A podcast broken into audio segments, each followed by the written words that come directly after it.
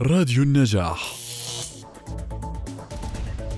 أعلنت مؤسسة عبد الحميد شومان العامة ضمن برنامج قراءات في المكتبة عن موعد حفل إشهار وتوقيع كتاب هدنة لمراقصة الملكة للشاعر سلطان القيسي حيث يقدمه ويحاوره عبود الجابري بمرافقة العازف محمد القطناني في منتدى مؤسسة عبد الحميد شومان الثقافي جبل عمان وذلك يوم الأربعاء الموافق الثاني عشر من كانون الثاني في تمام الساعة السادسة مساء حيث سيبث مباشرة عبر تطبيق زوم وصفحة المؤسسة على الفيسبوك.